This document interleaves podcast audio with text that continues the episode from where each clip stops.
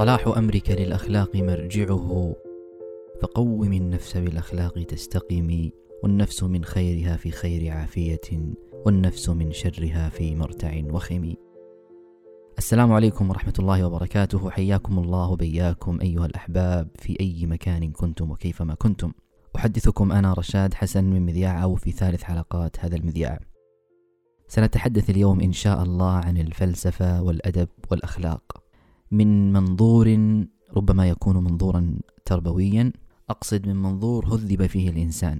من جاء قبل الآخر آه، من يستند على الآخر حين نتكلم في إطار الأخلاق والأدب والفلسفة والتعليم. وهي مفاهيم شائكة ربما تكون حتى متداخلة ومتناغمة ببعضها.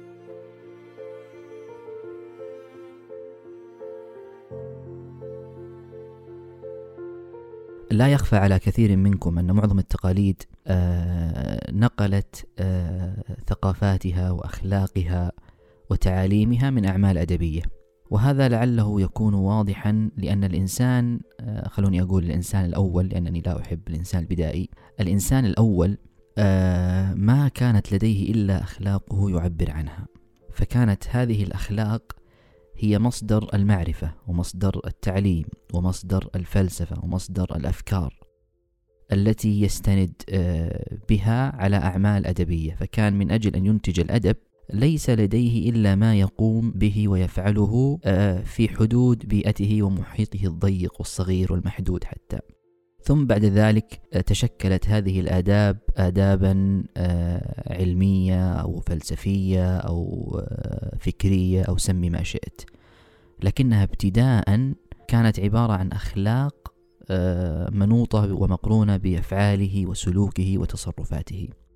وهذا ذكرني صراحة بمفهوم في الحلقة الأولى تطرقنا إليه. لما ذكرنا أنه آه، كلمة أدب في اللغة العربية تنقلت في الثقافة العربية على ثلاثة أدوار وذكرنا أن, أن أحد أدوارها كان يقوم على طباع النفس والأخلاق. فكان الأدب قديما في الثقافة العربية ما هو إلا عبارة عن سلوك وأخلاق آه، وتصرفات يفعلها الإنسان في بيئته. ثم بعد ذلك يعني مع توسع وتمدد هذا المفهوم جاءت لنا آه، الأعمال الأدبية والأفكار الأدبية والفلسفات الأدبية وهو إلى آخر مما آه، نتداوله اليوم من مفاهيم مغلفة بغلاف الأدب. لذلك نستطيع أن نرى اليوم بوضوح أن الأخلاق دائما هي مفهوم أساسي في جميع آه، تعاليم وثقافة العالم. ولو تأملنا في مفهوم الأخلاق من هذه الزاوية لوجدنا أنها ركيزة أساسية جدا للأدب. فالمعرفة اليوم مثلا تقوم على الأخلاق بقبول هذا الآخر والتناغم معه والتداخل والتعاطي والأخذ والعطاء. وهذه هي نظرة الأدب حقيقة. فالأدب دائما ينظر للآخر من مبدأ أخلاقي أصلا. آه هذه الأخلاق فيها نوع من العاطفة بل إنه يتخذ من العاطفة بابا ومدخلا لغرس كثير من القيم والأفكار والمبادئ والمفاهيم فكأن العاطفة ما هي إلا ثوب أو باب أو نافذة ينفذ معها الأدب آه ليقدم كثير من الأفكار والفلسفات آه ويغرسها في هذا الآخر المتلقي القارئ آه الذي يستقبل هذا الإنتاج الأدبي.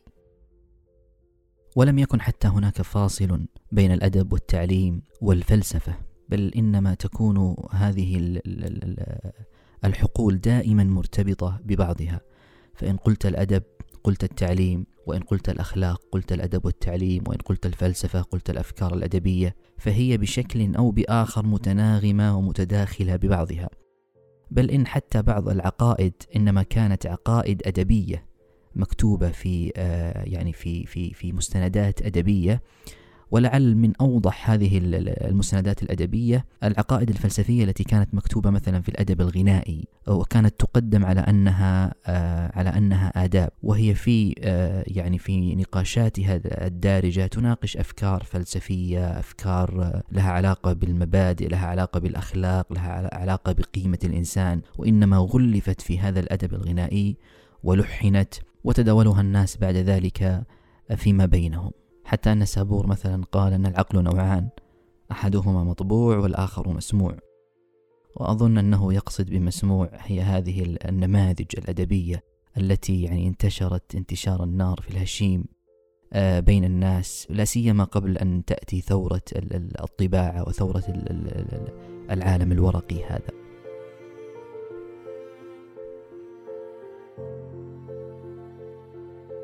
ولعل الإنسان الأول يا جماعة لا سيما آه، حين لم يكن يعني ذهنه وعقله ومزاجه ملطخا بمفاهيم وأفكار يعني آه، قادمة ربما تكون حتى من ثقافات أخرى حتم عليه أن ينتج نوعا من القصص آه، والخرافات.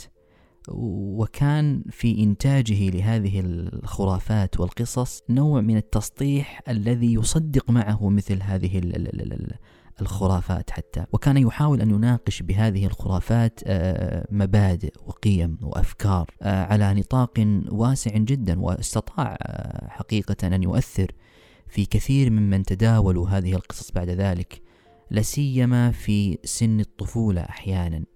لما نتكلم مثلا على على على على منظور تربوي نجد أن كثير من الخرافات والأساطير والقصص التي مثلا تروى على الأطفال آه، تؤثر فيهم وتترك في نفوسهم آه، شيئا. وهذا واضح في جميع الثقافات التي تناولت مثل هذه القصص.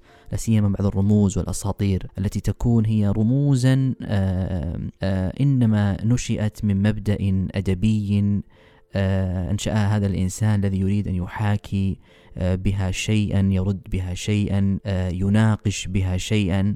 لكنه بعد ذلك ترك إرثا كبيرا من هذه القصص والخرافات وأثر فيها على كثير من عقول الناس ممن تداولوا هذه القصص بعد ذلك. من هنا يا جماعة نرى أن استناد الأدب على الأخلاق استناد أساسي. ثم من هذه الأخلاق تشكلت آه، الأفكار التي هي من جانب الفلسفة والتي هي من جانب آخر آه، التعليم. فالأساس الذي انطلقت منه الآداب هو أساس آه، أخلاقي. ثم بعد ذلك تشكلت كثير من هذه المفاهيم. ويحضرني الآن يعني زينوفانس هذا فيلسوف يوناني وشاعر وناقد اجتماعي وديني من فلاسفة اليونان. كان طبعا في عصر ما قبل سقراط. هذا ما عرف عنه آه، بعد وفاته إلا بضعة قصائد من قصائده آه، التي كانت أصلا أشعار. لكنه هاجم فيها كثير من المعتقدات والمفاهيم والأفكار في آه، زمانه الذي عاش فيه. ثم بعد ذلك أخذها كثير أخذ هذه القصائد طبعا هذه الأعمال الأدبية. كثير من الفلاسفة والعلماء وأصلوا لها وأطروها.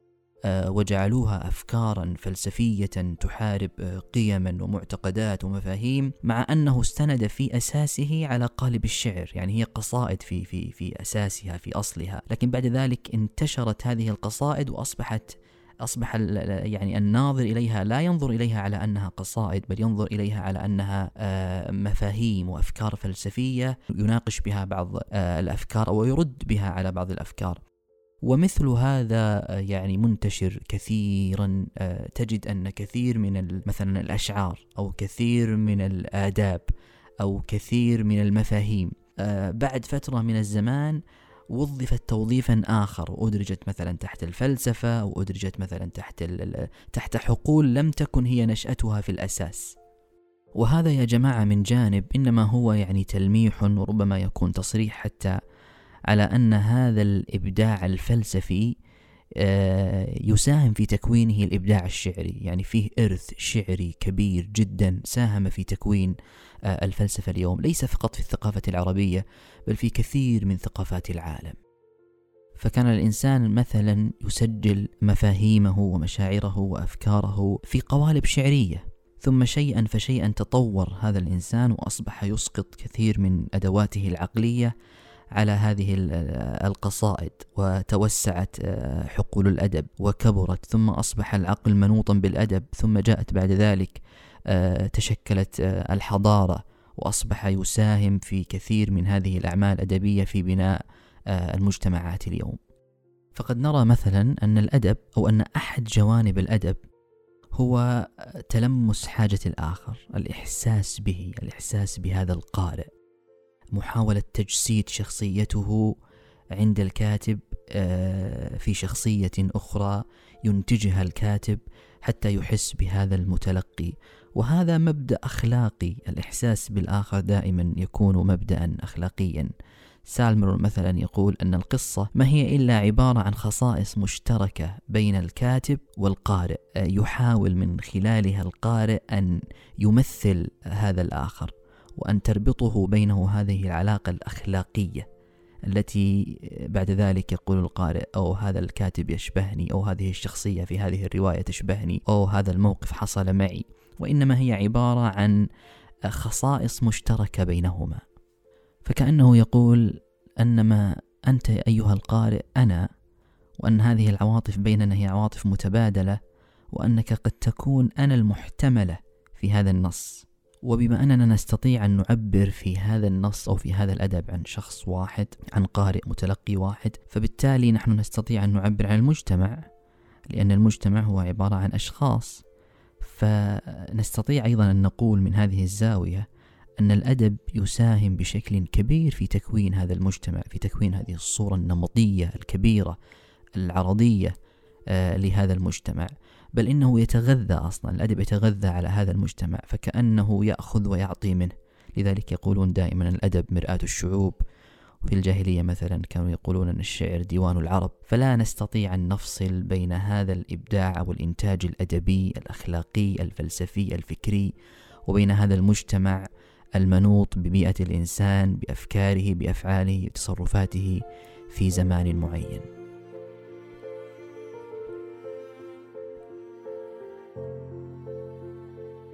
طيب يا جماعة نفهم من كل ما قلناه أن الأدب محوره الأخلاق والأخلاق محورها الاعتراف بالآخر الاعتراف بإنسانيته الاعتراف بمن هو وما هو وكيف هو وأين هو.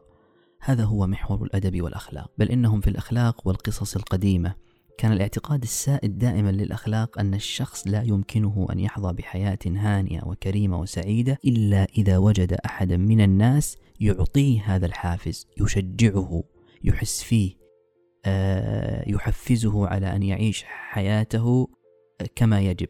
فكأن السعادة والحياة الكريمة منوطة ومقرونة بأن تجد أحدا من الناس يمنحك إياها لو كان حتى بالكلام. وكان هذا هو ركيزة الأدب والأعمال الأدبية والمسارح والقصائد والأشعار التي آه، تنتج. كانت آه، يعني انطلاقها من هذه النقطة نقطة أن, أن, أن أنها يجب أن تحس بالآخر. طبعا وهذا المبدأ مبدأ الإحساس بالآخر تشجيعه آه، يعني الوقوف معه خدمته تكلم فيه كثيرا من جميع الحقول سواء الحقول الدينية الحقول العلمية الفلسفية الأدبية. دائما ما يتكلمون في آه، كيف يمكن لنا أن نحس بالآخر؟ كيف يمكن أن نكون نحن هو الآخر؟ هايدجر طبعا له كلام جميل هنا يقول أنه آه، دائما قبول وفهم الآخر لا يحدث على الفور لا يحدث اعتباطا بل يتطلب إلى جهد وإرادة ورغبة وفهم وإدراك لهذا الآخر. وأنت لما تتأمل أحيانا في نفسك تجد أن هذا واضحا حتى في في في نفسك. يعني مثلا نتكلم كثيرا عن إنه من جانب أخلاقي طبعا عن إنه يجب أن نحس بالآخر ونفهمه ونستوعبه ونقف معه وإلى آخره. لكنك أحيانا لما تريد أن تطبق مثل هذه القيم والمبادئ والمفاهيم تجد أنها صعبة. بل ربما تجد أن في نفسك شيء يمنعك من تطبيقها وتنفيذها على أرض الواقع. ما تعرف ما الذي يمنعك لكن فيه حاجز فيه عقبة تردك. لكن لما تبتعد قليلا وتبدأ تنظر وتتكلم عن هذا الكلام تجد أنه من الناحية الأخلاقية لا تختلف معه بل أنك تتفق وتقول أمر مهم ويجب على كل إنسان أن يشعر بالآخر وإلى آخره. ففي فرق بين عملية التنظير لهذه المبادئ الأخلاقية وأيضا على آه، المنحى الآخر عملية تطبيقها على أرض الواقع.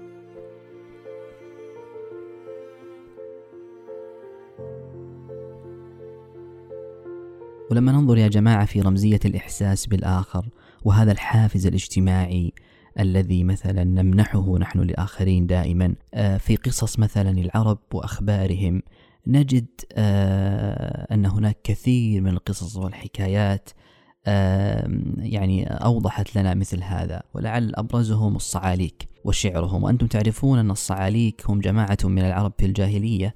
تعود أصولهم إلى قبائل مختلفة. لم يعترفوا هؤلاء الصعاليك بسلطة القبيلة ولا بقوانينها ولم يعترفوا حتى بالمعاهدات التي كانت تجريها القبائل مع بعضها البعض ولا بالاتفاقيات.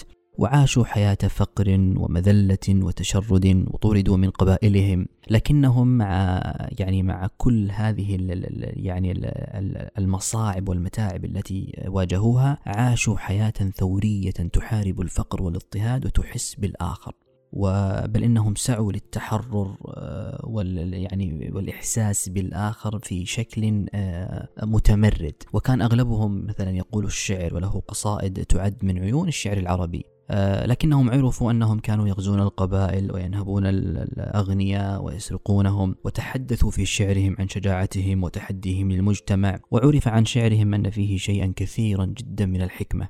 لكنهم مع كل هذا أحسوا بالآخر. فانتصروا للفقراء وثاروا على الأغنياء. وفي هذا تتجلى نظرة الإحساس بالآخر من الناحية آه، الأخلاقية وإبرازها في الأدب وفي الشعر.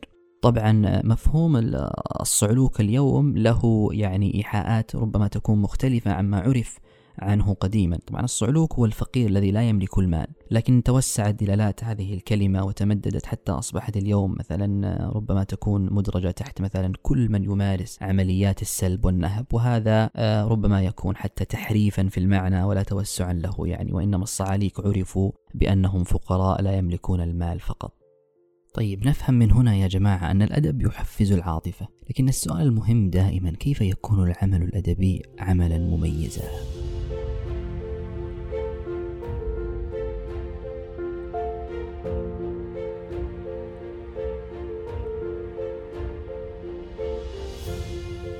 وفي ظني أنه يكون عملا مميزا إذا وضع الكاتب أو شخصيات هذا الكاتب مكان القارئ واستجوبه واستنطقه وربط بينه وبين ما يحتمل أن يكون لديه من معاناة وهموم. يعني في اللحظة التي يقول فيها الآخر أوه هذا أنا هذا يشبهني هذا يعاني مما أعاني شخصية هذا الكاتب أنا مررت بها أنا كأنني هذه الشخصية عند هذا الكاتب. فتصبح هذه المعرفة هي عاطفة يتحسس بها الآخر ويؤمن القارئ أن هذه هي حلقة الوصل بينه وبين الكاتب.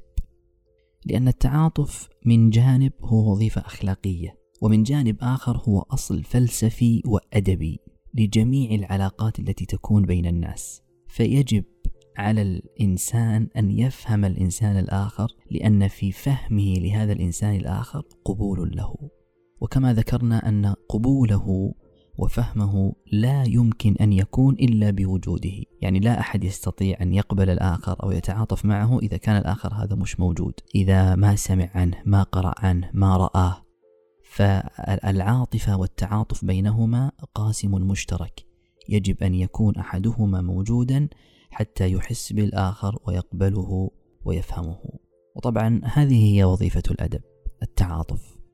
من المسرح إلى جميع أشكال الفنون الموجودة اليوم بل أنه حتى في تقمص أحيانا أدوار معينة آه، يعاني منها الآخرين. يعني أن يتقمص الإنسان مثلا المأساة في عمل أدبي أو أن يتقمص المعاناة في عمل آخر. قالوا أن في هذا التقمص في هذه المأساة المختلقة الممثلة هي نوع من الشفاء. يعني كأن الإنسان أحيانا إذا وجد أحد من الناس يمثل آه، ما يعانيه أو يحاول أنه يتقمص شخصيته. ترى أنا أحس فيك ترى أنا أشعر فيك ترى أنا أعاني آه، لأنك فقط تعاني. في كل هذه ال ال ال يعني الأدوار التي يتقمصها الإنسان شفاء للآخر ليس لنا لأننا لسنا يعني لا نعاني من هذه المأساة أو من هذه المعاناة لكن الآخر حينما ينظر إلينا آه، يعني كأنه يتشافى يتعافى مما يمر به. فقط بمجرد أنه يؤمن أن فيه سين من الناس أو صاد من الناس يشعر بي يحس بي. فكأن في هذه المأساة المعاناة المختلقة تشفي وتعافي. فبالتالي أعتقد أننا إذا استطعنا أن نفهم الآخر نستطيع أن نقبله. وبالتالي نستطيع أن نتعاطف معه ثم ربما بتعاطفنا هذا نخلصه مما قد يمر به. ودائما الأدب يكون مرتبطا ارتباطا كبيرا جدا. دائما ميثاق الأعمال الأدبية هي العاطفة. وأحيانا تقرأ مثلا وتجد أن البطل أصبح ضعيفا في رواية ما وتقول وتتعاطف معه تشفق عليه ترحمه لأنك تعرف أنه في بداية العمل مثلا الأدبي كان قويا وقد تغضب منه أحيانا لأنه ظالما طاغية. فهذه الأعمال الأدبية تحرك فيك هذه العواطف. بل إنها تجعلك تتخذ موقف أحيانا تكره كتاب معين لأن فيه شخصية من الشخصيات طاغية وظالمة وتحب مثلا كتابا آخر لأن فيه شخصية من الشخصيات محببة ومؤدبة وأخلاقها جدا عالية. فهذا هو الأدب. الأدب يحرك أحيانا العاطفة ويجعلك تتخذ موقفا تجاه ما تقرأه من شخصيات. ولطالما طبعا كان الأدب محركا ممتازا جدا للأخلاق لأنه أولا يجعلنا نفكر ثانيا يجعلنا نتخذ موقفا أخلاقيا. يعني في الحقيقة لو نتأمل قليلا نجد أن مواقفنا تجاه هذه الأعمال هي مواقف أخلاقية بسبب أفعال وتصرفات معينة آه قرأناها رأيناها سمعنا عنها شاهدناها. وإنما كان الأدب بالنسبة لنا آه داعما أساسيا لهذه الأخلاق. وبالنسبة لهذه الشخصيات داعما أساسيا من الناحية الأخلاقية لنفورنا عنهم. فبالتالي يكفينا أن نعرف بأن الأخلاق يدعمها الأدب فهو أداته القوية جدا. وتسهل أيضا هذه الأخلاق على القارئ أن يعترف بأنه ربما يكون أنا محتملة في شخصية من شخصيات الأعمال الأدبية التي يقرأها. نختم بهذا يا جماعة أن كل شيء تحركه الأخلاق. وأن الأدب وعاء لهذه الأخلاق وكل شيء يفيض منه. الفلسفة القيم الأفكار المبادئ التعاليم كل شيء. ولذلك قالوا واعلم أن لكل فضيلة أسا ولكل أدب ينبوعا. وأس الفضائل وينبوع الآداب هو العقل. الذي جعله الله سبحانه للدين أصلا وللدنيا عمادا فأوجب التكليف بكماله وجعل الدنيا مدبرة بأحكامه وألف بين خلقه مع اختلاف هممهم ومآربهم وتباين أغراضهم ومقاصدهم. إن المكارم أخلاق مطهرة فالدين أولها والعقل ثانيها والعلم ثالثها والحلم رابعها والجود خامسها والفصل ساديها والبر سابعها والصبر ثامنها والشكر تاسعها واللين باقيها. أستودعكم الله. أنا رشاد حسن أحدثكم في الحلقة القادمة.